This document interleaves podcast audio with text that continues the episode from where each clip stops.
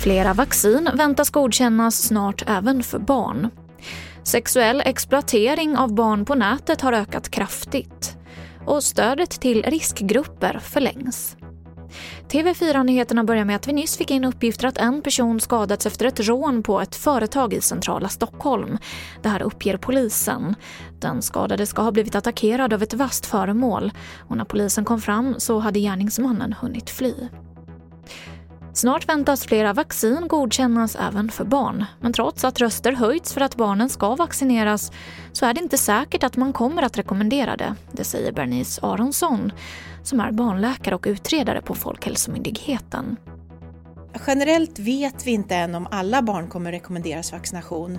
För det är ju så att barn och unga generellt har en lindrig sjukdom av covid-19. Sexuell exploatering av barn på nätet har ökat markant under senare år.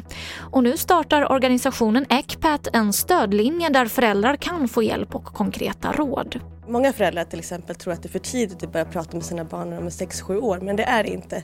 Så ett konkret råd är just det, att ta snacket och gärna tidigt. Så fort barnet får tillgång till internet eller en smartphone så ska man börja prata om riskerna på nätet. Ett annat är att om det har hänt någonting, avlasta barnet från skam och skuld. Det är aldrig barnets fel.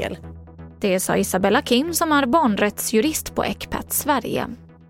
Och till sist kan jag berätta att ersättningen till de som är i riskgrupper och inte kan jobba på grund av smittorisken förlängs tills dess att vaccineringen är klar.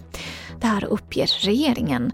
Personer i riskgrupper och vissa anhöriga kan söka ekonomisk ersättning hos Försäkringskassan om de löper extra stor risk om de blir smittade med covid-19. Och det var det senaste från TV4 Nyheterna. Jag heter Emily Olsson.